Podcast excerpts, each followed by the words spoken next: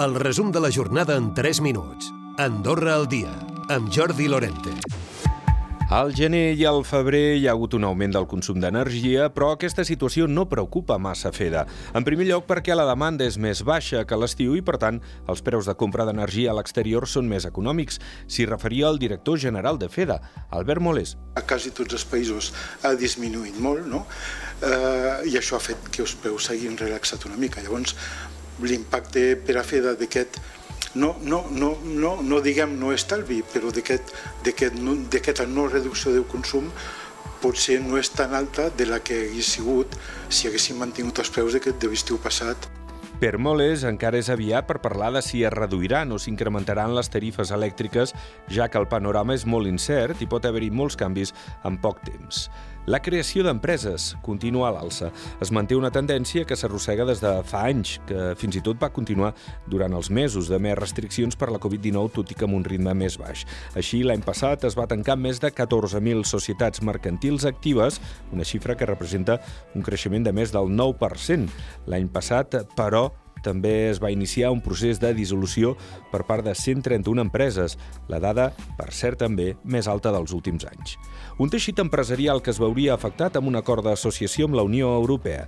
Josep Pintat considera que això pot passar ja que Brussel·les ha canviat de posició i el que ara demana Andorra no és un acord d'associació, sinó pràcticament l'integració a canvi de res. Escoltem el president de Tercera Via Més Unió, Laura Diana.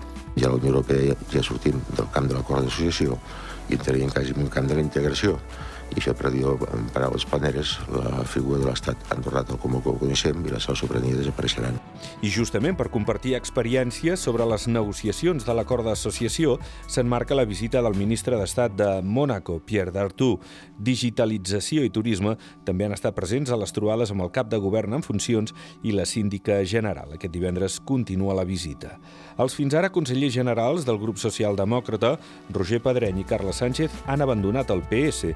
Així ho van comunicar dimecres al partit que els ha agraït la feina feta. Cap dels dos estava a les llistes conjuntes amb progressistes SLP a les eleccions del pròxim 2 d'abril.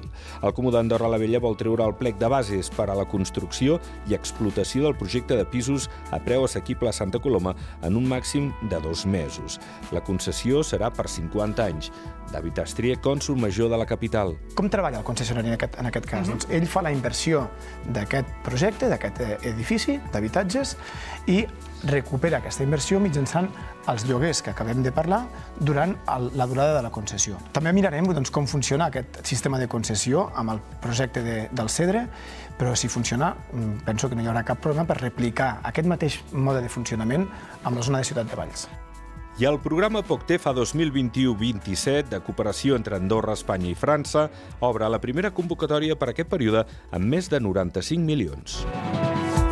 Recupera el resum de la jornada cada dia a AndorraDifusió.d i a les plataformes de podcast.